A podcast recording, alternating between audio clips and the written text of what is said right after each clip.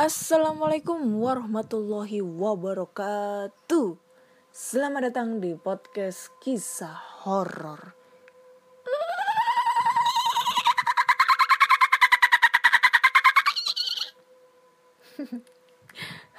Aku nggak mau lama-lama ya ketawanya beneran ini. Oke, masih berjam bersama anak aja ya, sumpah. Aduh, aku udah belum apa-apa udah merinding.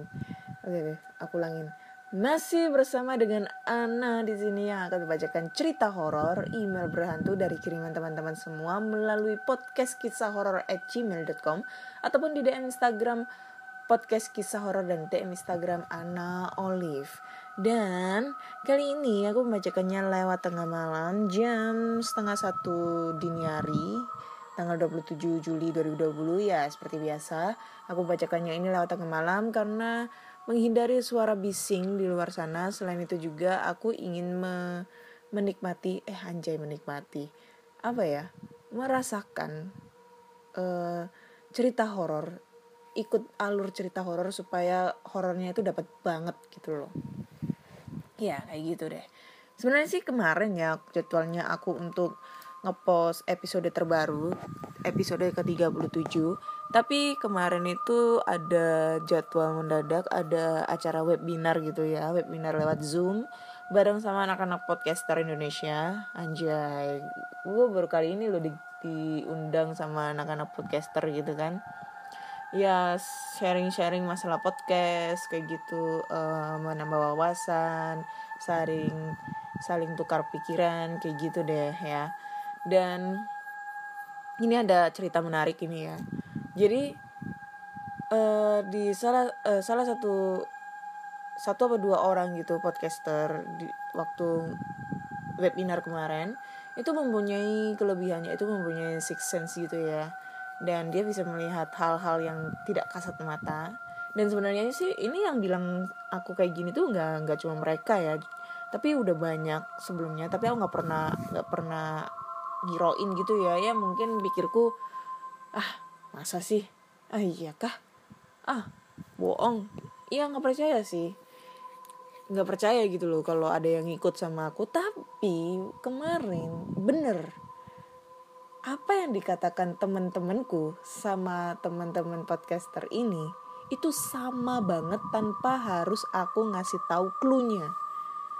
Jadi kemarin itu anjay udah merinding aku. Jadi kemarin itu aku tanya nih kemarin itu dia itu spontan bilang gini karena di situ sama siapa? Digituin kan. Terus aku bilang dong ah sendirian ini aku di kam di kamar. Aku di rumah bertiga sama orang tua aku loh kak Ana nggak punya kakak nih? Dia bilang gitu.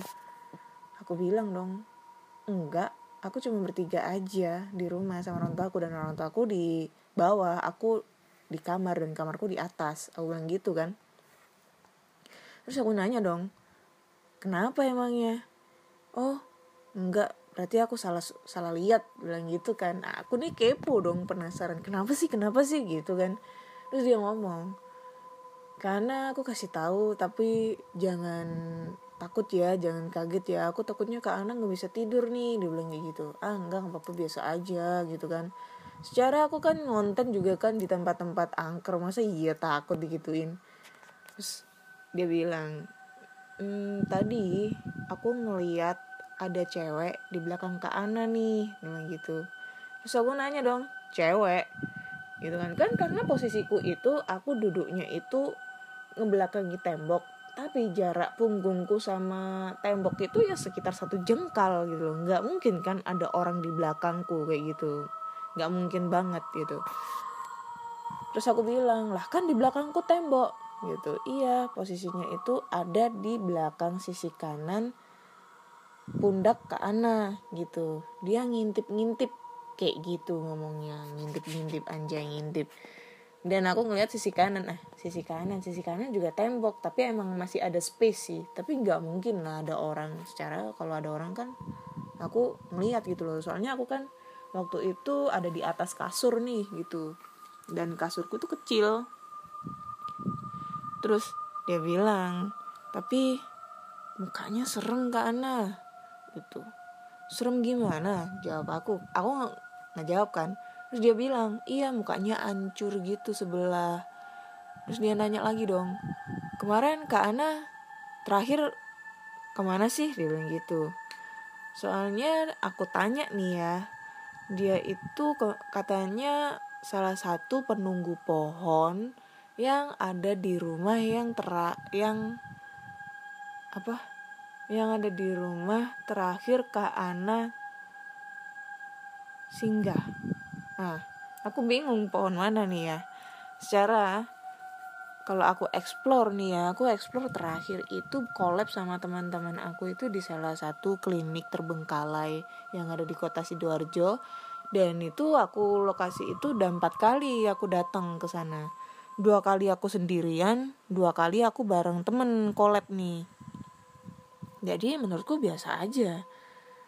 Kalau tempat kerja aku yang baru nih, Ya, kebetulan aku sekarang udah kerja. Alhamdulillah guys, mulai Senin besok aku kerja. Kemarin aku interview. Jadi teman kerja aku ini, ini kan sekolah ya. Dan kata orang-orang sih ya, sekolah itu angker gitu. Di situ emang banyak pohon. Tapi ya gak tahu juga sih ya. Kayak gitu, terus aku nanya dong. Dia pakai baju apa sih aku nanya gitu aku nggak mau aku nggak mau ngasih dia clue karena emang aku tahu nih ya karena teman-temanku sebelumnya itu ngasih tahu dia pakai baju merah nah ini aku nanya ke temanku ini anak podcaster ini bener nggak sama nggak apa yang diomong sama temanku sama dia tuh bener nggak? Jadi aku diem. Aku cuma nanya dia pakai baju apa? Dan dia langsung ngejawab dong merah. Anjay. Sama anjir merah. Anjay. Sumpah ini aku ngerasa merinding sekarang ya. Belum juga aku cerita horor nih ngebacain cerita teman-teman udah ngerasa merinding ya. Tapi ini gila gila banget. Baru kali ini aku diikutin setan anjing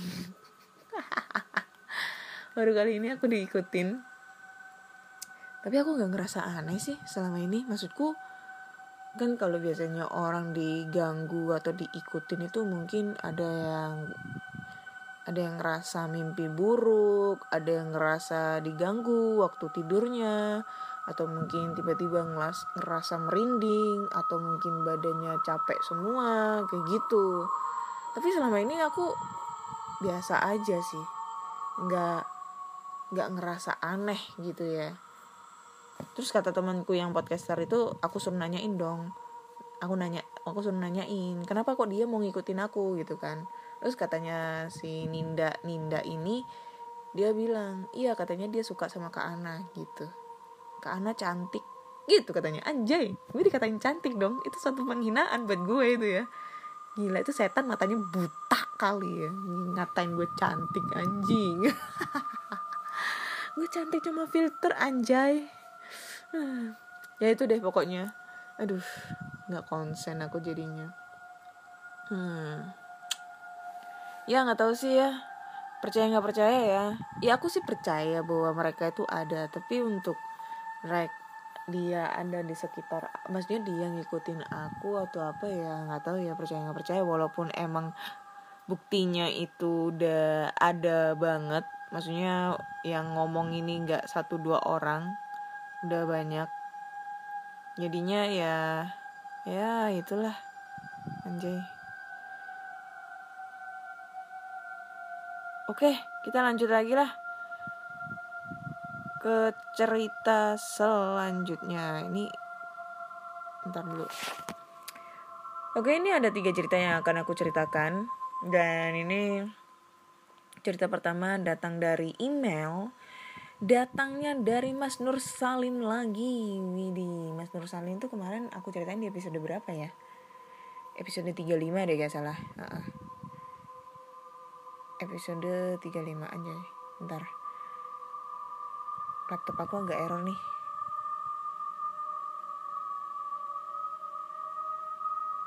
Sabar ya guys sabar guys. Kalau nggak bisa aku cerita yang lainnya dulu nih. Sambil nunggu ini bisa ngebuka emang belum ada persiapan tadi. Soalnya tadi aku lupa-lupa ingat gitu kalau ada jadwal aku nge-podcast hari ini. Oke kita bacain dulu yang lainnya dulu ya. Bentar. Nah ini dia. Ini udah belum ya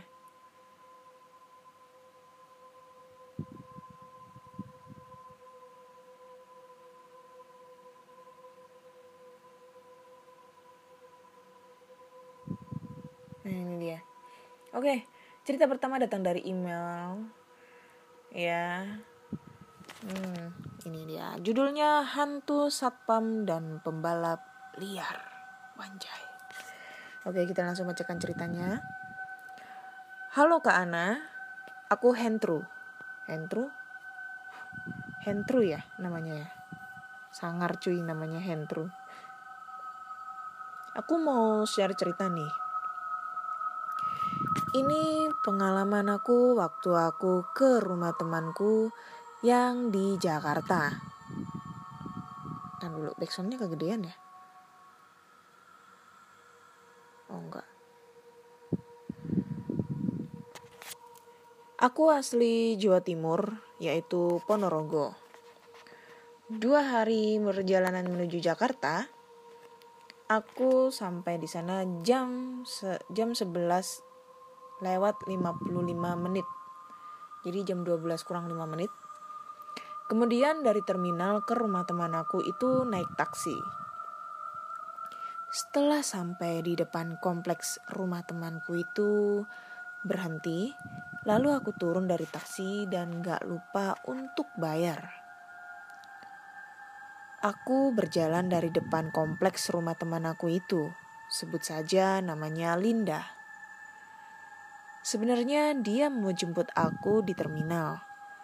Tapi karena aku mau ngasih surprise buat dia, jadinya aku sengaja nggak bilang kalau aku sudah sampai di Jakarta.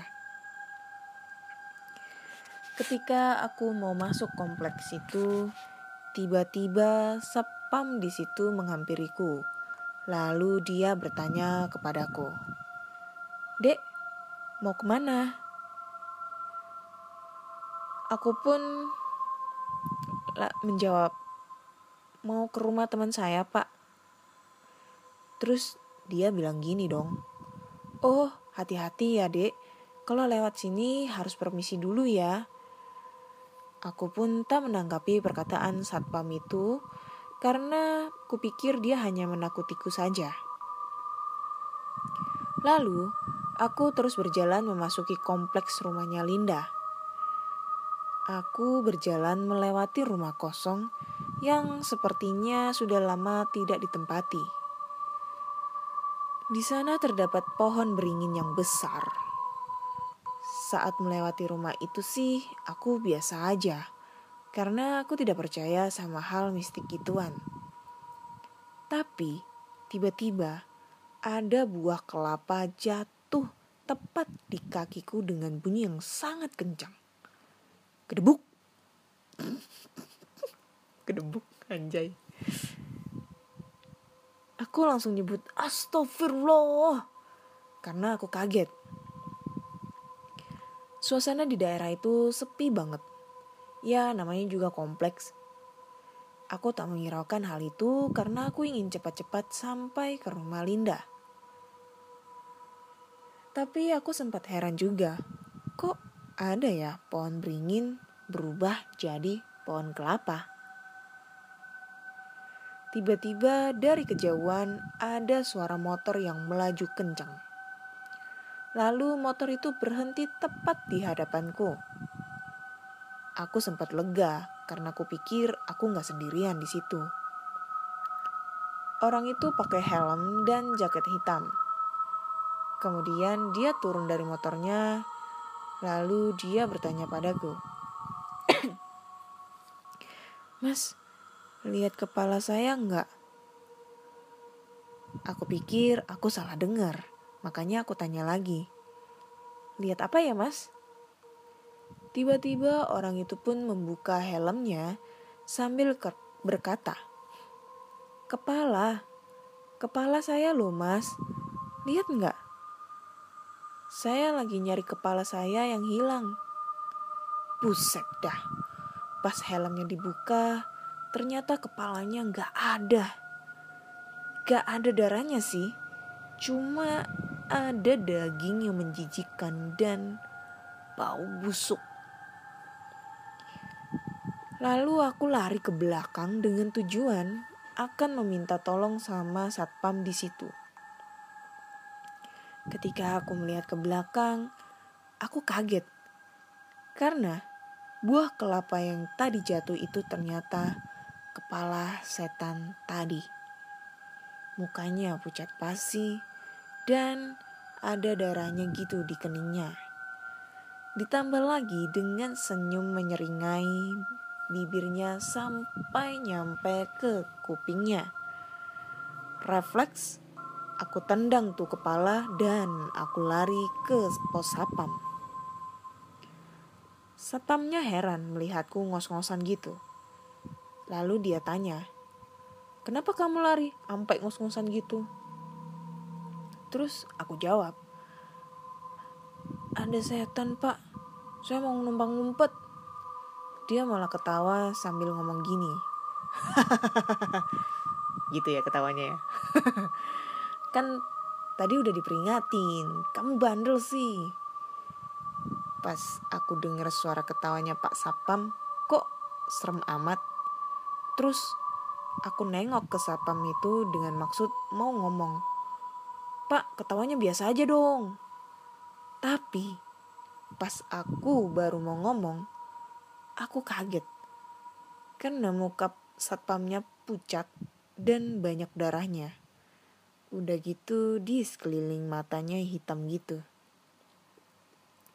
Aku langsung lari keluar dari pos itu, terus masuk lagi ke dalam kompleks. Saking takutnya, aku pipis di celana, anjay. Sambil teriak-teriak, Linda, Linda, tolong. Terus gak lama, ada bapak-bapak keluar dari rumahnya. Mungkin dia dengar suaraku yang berteriak-teriak. Bapak itu nanya gini, ada apa dek? Kok malam-malam gini teriak-teriak? Terus aku bilang, saya cari rumahnya Linda pak. Terus dia jawab gini, oh si Linda, itu rumahnya yang warna biru. Wah, ternyata sudah dekat. Aku pun lega. Aku langsung melangkah ke rumah Linda. Dan tak lupa untuk bilang terima kasih sama bapak-bapak itu. Aku sampai di rumah Linda sampai jam 1 lewat 15 waktu dini hari. Dan disambut hangat oleh Linda. Aku ceritakan semua kejadian yang aku alami tadi. Lalu Linda menertawaiku. Katanya gini. Hahaha. Lagian lu gak mau dijemput sih. Jadinya gini deh. Digangguin penunggu di sini. Terus aku tanya nih Emang di sini serem ya, Lin? Kok lu betah sih tinggal di sini? Lalu Linda ngejawab, Ya kalau gue sih udah biasa. Dulu yang punya rumah kosong itu seorang pembalap liar namanya Haris. Karena dia kalah taruhan dan gak bisa bayar, jadinya dia dikejar-kejar sama lawannya itu. Terus pas dia lagi kabur, kebut-kebutan tuh. Waktu mau masuk kompleks, tiba-tiba dia nggak sengaja nabrak satpam yang lagi jaga di depan kompleks. Terus si Haris jatuh deh. Nah, pas lagi jatuh gitu, lawannya yang ngejar si Haris itu turun dari motor, nyamperin Haris, terus bacok kepalanya Haris sampai putus. Itu kejadiannya pas tengah malam loh. Makanya kalau udah malam gini, Gak ada orang yang berani keluar rumah. Aku kaget, lalu bertanya lagi, terus satpam yang ditabrak sama Haris tuh gimana keadaan Lin si Linda pun ngejawab ya meninggal di tempat lah wong kepalanya retak Besoknya aku langsung pamit pulang ke Ponorogo karena nggak mau lihat gituan lagi. Sekian pengalaman aku tentang hal mistik ini Kak Ana. Terima kasih sudah dibacakan dan ini bukan rekayasa loh. Wanjay. Ya, oke okay. Terima kasih Mas Hendro untuk ceritanya anjay. Double dapat ini ya, double double setan. double setan. Iyalah habis ketemu setannya pembalap liar terus ketemu sama setan satpam komplek lagi anjay satpam komplek lagi. Uh ya ya emang sih ya. Aku kira ini ceritanya kayak di sinetron sinetron gitu ya kayak di film gitu. Jadi mungkin ya aku tidak aku nggak bisa mengira kalau ini rekayasa ya. Tapi kalau misalnya seandainya itu terjadi di kita apalagi di aku nih ya wanjay serem itu sumpah serem. Tapi bisa jadi sih ya kecelakaan. Dia ngebut tiba-tiba menabrak orang dan orang yang ditabrak itu kecelakaan gitu aja. Eh maksudnya kecelakaan. Orang yang ditabrak itu mengalami ya meregang nyawa. Itu bisa jadi ya. Anjay. Nih ya buat kalian yang suka motor jangan deh balap-balap liar. Kalau mau balap-balapan di sirkuit aja nggak usah di jalan raya ini tuh sebenarnya tuh kejadian kayak gini tuh udah sering banget terjadi di Surabaya ya. Orang balap liar pakai sepeda motor yang ya yang bisa dibilang uh, modif gitu ya dimodif yang tidak sesuai dengan standarnya. Terus dia kebut-kebutan akhirnya dia nabrak entah dia tuh nabrak orang entah itu dia nabrak nabrak apa kayak jatuh dengan sendirinya terus dia merebut meregang nyawa. Apalagi kalau misalnya dia nabrak orang dan orangnya juga meninggal dunia. Yang rugi siapa?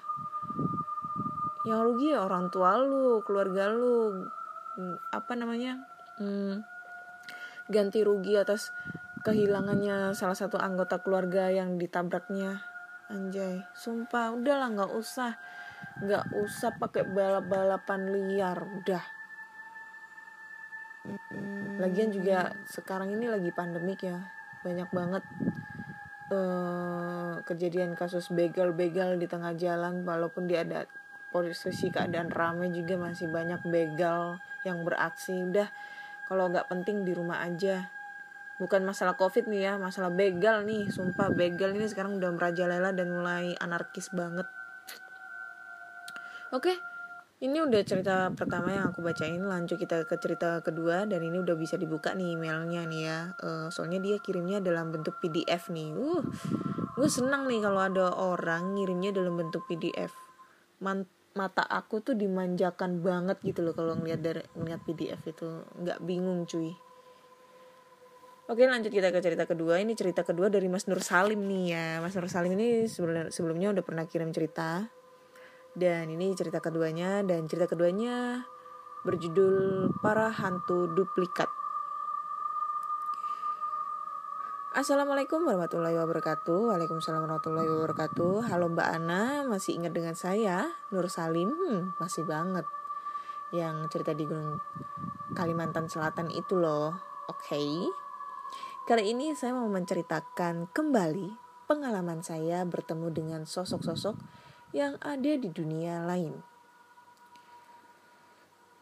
Cerita pertama terjadi pada saat saya masih duduk di sekolah dasar di kota Balikpapan, Kalimantan Timur.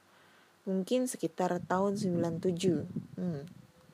Kayaknya seangkatan nih. 97 aku baru ke kelas 1 SD nih. Pagi itu saya baru-baru berangkat eh baru-baru. Pagi itu saya buru-buru berangkat ke sekolah karena saya tahu kalau saya belum pernah mengerjakan PR sekolah.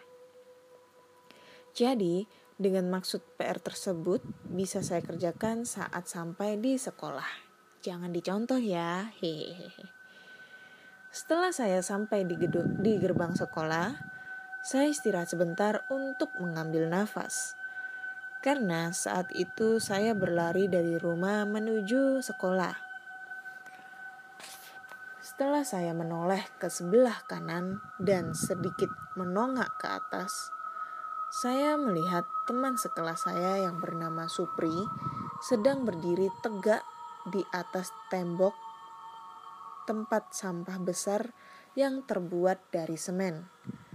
Kemudian saya bertanya kepadanya, "Supri, ngapain kamu di situ?"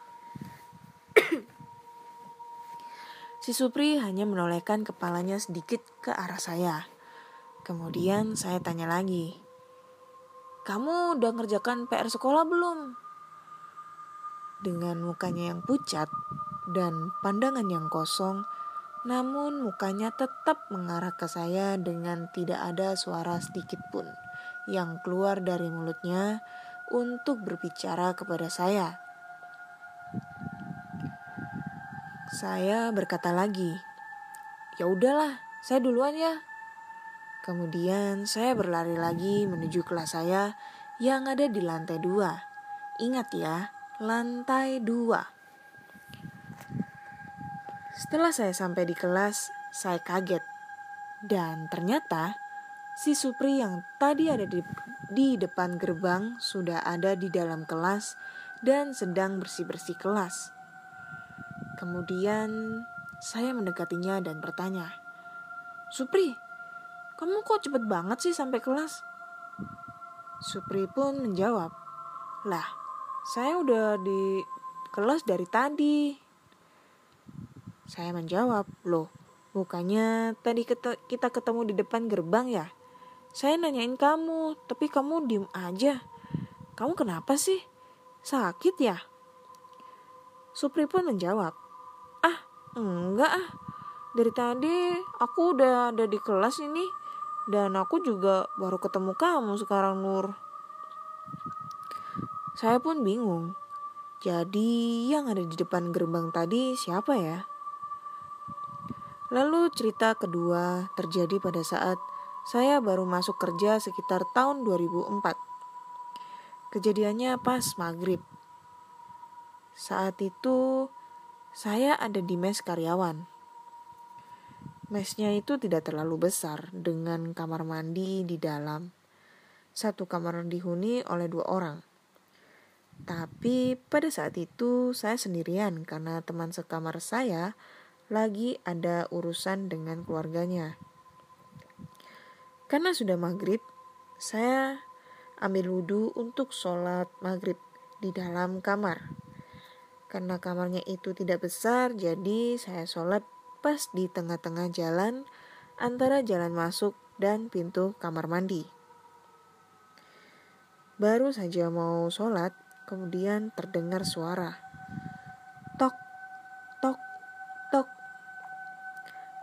Ada yang ngetuk pintu saya. Pas saya buka, oh teman satu mes, namanya Bang Anjas. Kemudian saya tanya, ada apa bang? Bang Anjas jawab, mau numpang wudhu boleh? Oh boleh bang, silahkan. Tapi bang, saya sholat duluan ya, jawab saya. Oh iya Nur, jawab Bang Anjas. Kemudian dia langsung masuk ke kamar mandi untuk wudhu dan saya langsung sholat. Saat sudah selesai sholat, saya perhatikan si Bang Anjas yang ada di dalam kamar mandi ini kok belum keluar-keluar ya. Kemudian saya nanya, Bang Anjas, Bang, saya udah selesai sholatnya nih. Tapi kok tidak ada jawaban ya. Kemudian saya susul ke kamar mandi. Loh, kok Bang Anjas gak ada di dalam kamar mandi ya? Kan kalau saya sholat di tengah-tengah kamar, orang bisa lewat kalau mau keluar. Kalau mau keluar, lihat mana ya dia tadi? Batinku. Kemudian saya buru-buru menuju ruang makan. Dan di situ saya ngeliat Bang Anjas sudah duduk dengan santainya menyantap makan malamnya. Saya samperin lah dia. Bang Anjas, tadi keluar lewat mana? Tanyaku. Keluar apaan? Kata Bang Anjas. Anjay. Keluar lewat mana? Keluar apaan? Tadi keluar lewat mana? Anjay, aduh, aduh, aduh, aduh. Pikiranku Ana, please. Jangan kotor. Jangan kotor ya. Oke, kita lanjut ya. Anjay, kotor banget pikiranku dari kemarin. Jadi saya bilang, kan Bang Anjas tadi numpang ambil wudhu di kamar saya. Bang Anjas pun heran dan bingung. Enggak kok, saya tadi wudhu dan sholat di kamar saya sendiri. Lah, jadi yang wudhu di kamar saya tadi siapa dong? Lalu cerita ketiga nih, Kejadian ini terjadi saat saya pulang cuti sehabis kerja dari luar kota. Saat sudah mau sampai di rumah, saya melihat sosok yang sangat familiar sedang duduk di depan rumahnya dengan senyumnya yang sangat hangat. Iya, di, iya dia adalah Bude Santi. Bude yang sangat ramah bagiku. Umurnya udah gak muda lagi dan saat itu Bude duduk lantai, eh duduk lantai, duduk santai sambil melambaikan tangannya kepadaku tanda menyambut kedatanganku dari cuti kerja. Kulihat wajah Bude sangat berseri dan kusapalah beliau. Apa kabar Bude? Sehatkah Bude? Tanyaku. Namun beliau hanya tersenyum saja dan tidak menjawab. Karena saat itu saya juga agak lelah, maka saya bilang ke Bude, Bude, saya masuk dulu ya, mau istirahat dulu. Dan Bude pun hanya senyum saja. Saat di dalam rumah dan setelah melepas kangen dengan keluarga saya, saya nanya ke ibu saya, Bu, Tuh Bude berseri banget ya mukanya. Segar bugar saya lihat. Bude siapa? Tanya ibuku. Itu loh Bude Santi tetangga kita. Ja jawabku. Ibuku pun kaget saat itu. Loh nak, Bude Santi kan udah meninggal dunia baru kemarin. Dan saya pun tercengang. Innalillahi wa innalillahi roji'un. Jadi yang tadi itu siapa ya? Demikian Mbak Ana, mohon maaf kalau tidak seram. Assalamualaikum warahmatullahi wabarakatuh. Waalaikumsalam warahmatullahi wabarakatuh. Oke, okay.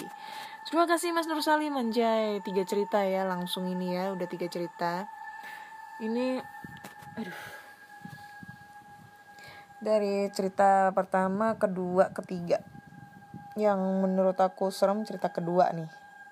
Ya, karena cerita kedua ini anjay, sumpah udahlah udah dia udah masuk di lokasi yang serem gitu loh.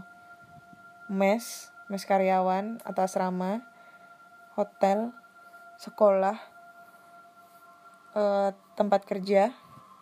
Lalu apa lagi ya? Uh, rumah sakit.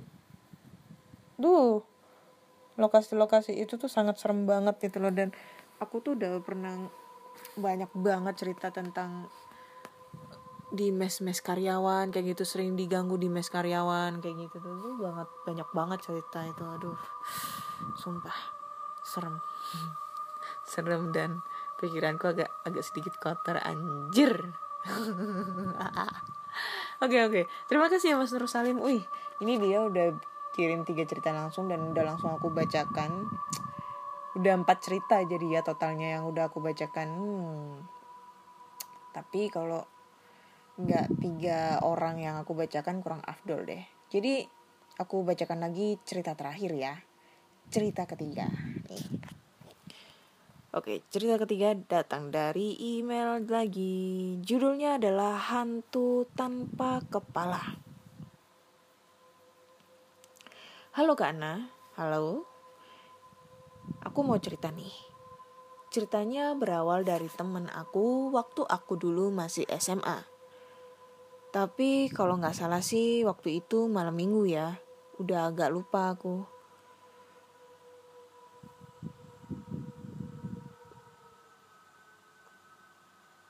Oh, anjay ini udah pernah ini. Belum aku hapus. Sorry, sorry, sorry, sorry, sorry, sorry. Ini yang dia kirim cerita tiga dua kali ya ini ya. Hmm. Oke, ini aja deh judulnya hantu wanita penunggu kamarku anjay panjang banget judulnya ya Halo Kak Ana, namaku Ahmad Zioni. Biasa dipanggil Oni oleh orang rumah. Di sini aku mau menceritakan pengalaman orang-orang rumah yang bilang bahwa di kamarku selalu ada sesosok cewek cantik yang duduk-duduk di dekat jendela kamar. Cerita ini bermula saat aku masih berusia 12 tahun. Setelah aku dikitan, aku mulai menempati kamar belakang dekat dapur yang memang sudah lama tidak ditempati.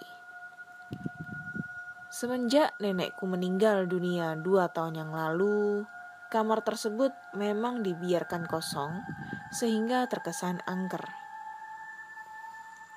Waktu itu pagi-pagi, ibuku sedang memasak di dapur dekat kamarku itu. Tiba-tiba, sekelebat bayangan perempuan masuk dan menyelinap ke kamarku. Dikira ibuku sih itu teman sekolahku. Tapi kok sepagi ini ya datang mainnya? Tanpa permisi dan langsung nyelonok masuk saja. Setelah diikuti dan masuk ke kamarku, ternyata di dalam kamar hanya ada aku, tidak ada yang lain. Alhasil, ibu berteriak sejadi-jadinya. Sontak ini membangunkan semua orang di rumah dan bikin heboh pagi-pagi. Kejadian-kejadian aneh pun terus berlanjut. Dari adik, saudara, pembantu, dan bahkan temanku yang pernah juga mengalaminya. Kejadian yang terakhir yang tak kalah menyeramkan terjadi waktu temanku Rudi menginap di kamarku seminggu yang lalu. Waktu itu dia lagi main PS2 di kamarku sendirian. Dan ku tinggal beli nasi goreng di depan rumah. Sedang asik-asiknya main PS, monitor TV mendadak mati dan muncul sosok wanita cantik berkelebat di hadapannya. Sontak dia kaget. Tiba-tiba di depan si Rudi telah berdiri sosok yang menyerupai sundel bolong seperti di film-film yang diperankan oleh almarhumah Susana. Di si Rudi berlari keluar sambil terkencing di celana karena ketakutan dengan sosok sundel bolong yang baru saja menghampirinya. Kami sekeluarga yang waktu itu beli nasi goreng tertawa melihat tingkah si Rudi yang berlari keluar sambil terkencing-kencing di celananya. Si Rudi langsung pulang dan tidak jadi menginap di rumahku. Sungguh kejadian yang aneh dan langka. Sosok wanita misterius ini masih ada di kamarku sampai saat ini dan terus menampakkan diri kepada siapa saja yang tidur atau melintas di depan kamarku. Hmm. Oke, okay. jadi ini ya, ya setan yang menunggu di kamarmu. Ya aku kira sih mungkin uh, arwah dari neneknya kali ya. Kan itu katanya kan kamar bekas neneknya gitu sebelum dia sebelum neneknya meninggal terus ditempatin sama Mas Oni ini gitu kan tapi nggak tahu juga sih ya. Uh, serem serem serem serem. Jadi kayak ini ini ini sih pernah terjadi sih ya. Tapi aku udah pernah cerita sih ini di episode episode yang sebelumnya ya tentang jadi kalau di di rumahku ini ada sosok penunggu dulu sih ya dulu.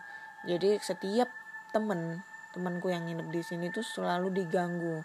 Entah diganggunya itu kayak kakinya ada yang narik-narik terus ada lagi kalau misalnya dia kan ini posisinya kan kamarku di atas nih. Nah di atas ini ada kamar mandi sendiri gitu kan. Ada kamar mandi juga di atas itu. Dan setiap dia bangun tengah malam gitu uh, dia selalu diganggu kayak ngelihat sekelebat bayangan atau mungkin ada apa namanya suara cewek itu lagi manggil dia kayak gitu-gitu deh. Padahal sih mamaku ini ya mamaku sekarang udah bangun nih. Jam 12 tuh kan biasanya bangun. Tapi nggak pernah terjadi hal-hal yang aneh maksudnya diganggu atau apa. Dan aku pun juga jarang tidur nih kalau malam. Melekan biasanya. Tapi ya nggak ada hal hal-hal yang membuat aku takut kayak gitu. Nggak tahu sih ya. Ya walau lah ya. Oke udah tiga cerita. Eh lebih ya sebenarnya bukan tiga cerita nih lebih banget ini. Ya sekitar enam 6 cerita lah yang udah aku ceritain. Ya terima kasih yang sebesar-besarnya untuk Mas Hendru, Mas Nur Salim dan Mas Oni ini ya udah kirim ceritanya ke podcast kisah horor. Wih mantap ini. Ditunggu untuk cerita-cerita selanjutnya. So jika kalian itu pengen banget diceritakan cerita horornya punya pengalaman cerita horor entah itu pengalaman diri sendiri pengalaman dari kakak adik nah, kakek nenek ayah ibu teman saudara dan semuanya kalian bisa langsung aja kirim ceritanya ke podcast kisah horor at gmail.com podcast kisah horor at gmail.com atau di DM Instagram podcast kisah horor dan DM Instagram Ana Olive dan podcast kisah horor kali ini sudah eksklusif di Spotify, Google Podcast, Apple Podcast ataupun di Anchor. Jangan lupa klik tombol follow agar kalian selalu update tentang cerita-cerita horor terbaru. Dan jika kalian tuh suka dengan video-video explore tempat-tempat terbengkalai, kalian bisa langsung aja mampir ke channel YouTube aku namanya Anna Olive, A N N A O L I V A. Di situ ada videoku explore di tempat-tempat terbengkalai. Ya, aku tapi aku udah hampir dua minggu ini nggak pernah ngonten ya, nggak pernah uh, upload video juga karena uh, kam HP yang biasanya aku ngerekam ini rusak kamera belakangnya jadi ya berhenti dulu vakum dulu sambil ngebenerin HP nanti kalau misalnya aku explore lagi pasti aku kasih tahu. Tapi sebenarnya sih bulan depan insya Allah lah ya kalau jadi bulan depan aku ada rencana explore di rumah sakit Kertosono. So jika kalian yang berdomisili di Kertosono atau sekitar Kertosono pengen ketemu meet up mungkin ngopi-ngopi bareng sebelum aku explore kalian bisa deh DM di Instagram aku oke? okay? Terima kasih semuanya udah ngedengerin. Nantikan di episode berikutnya, episode 38 dan selamat malam.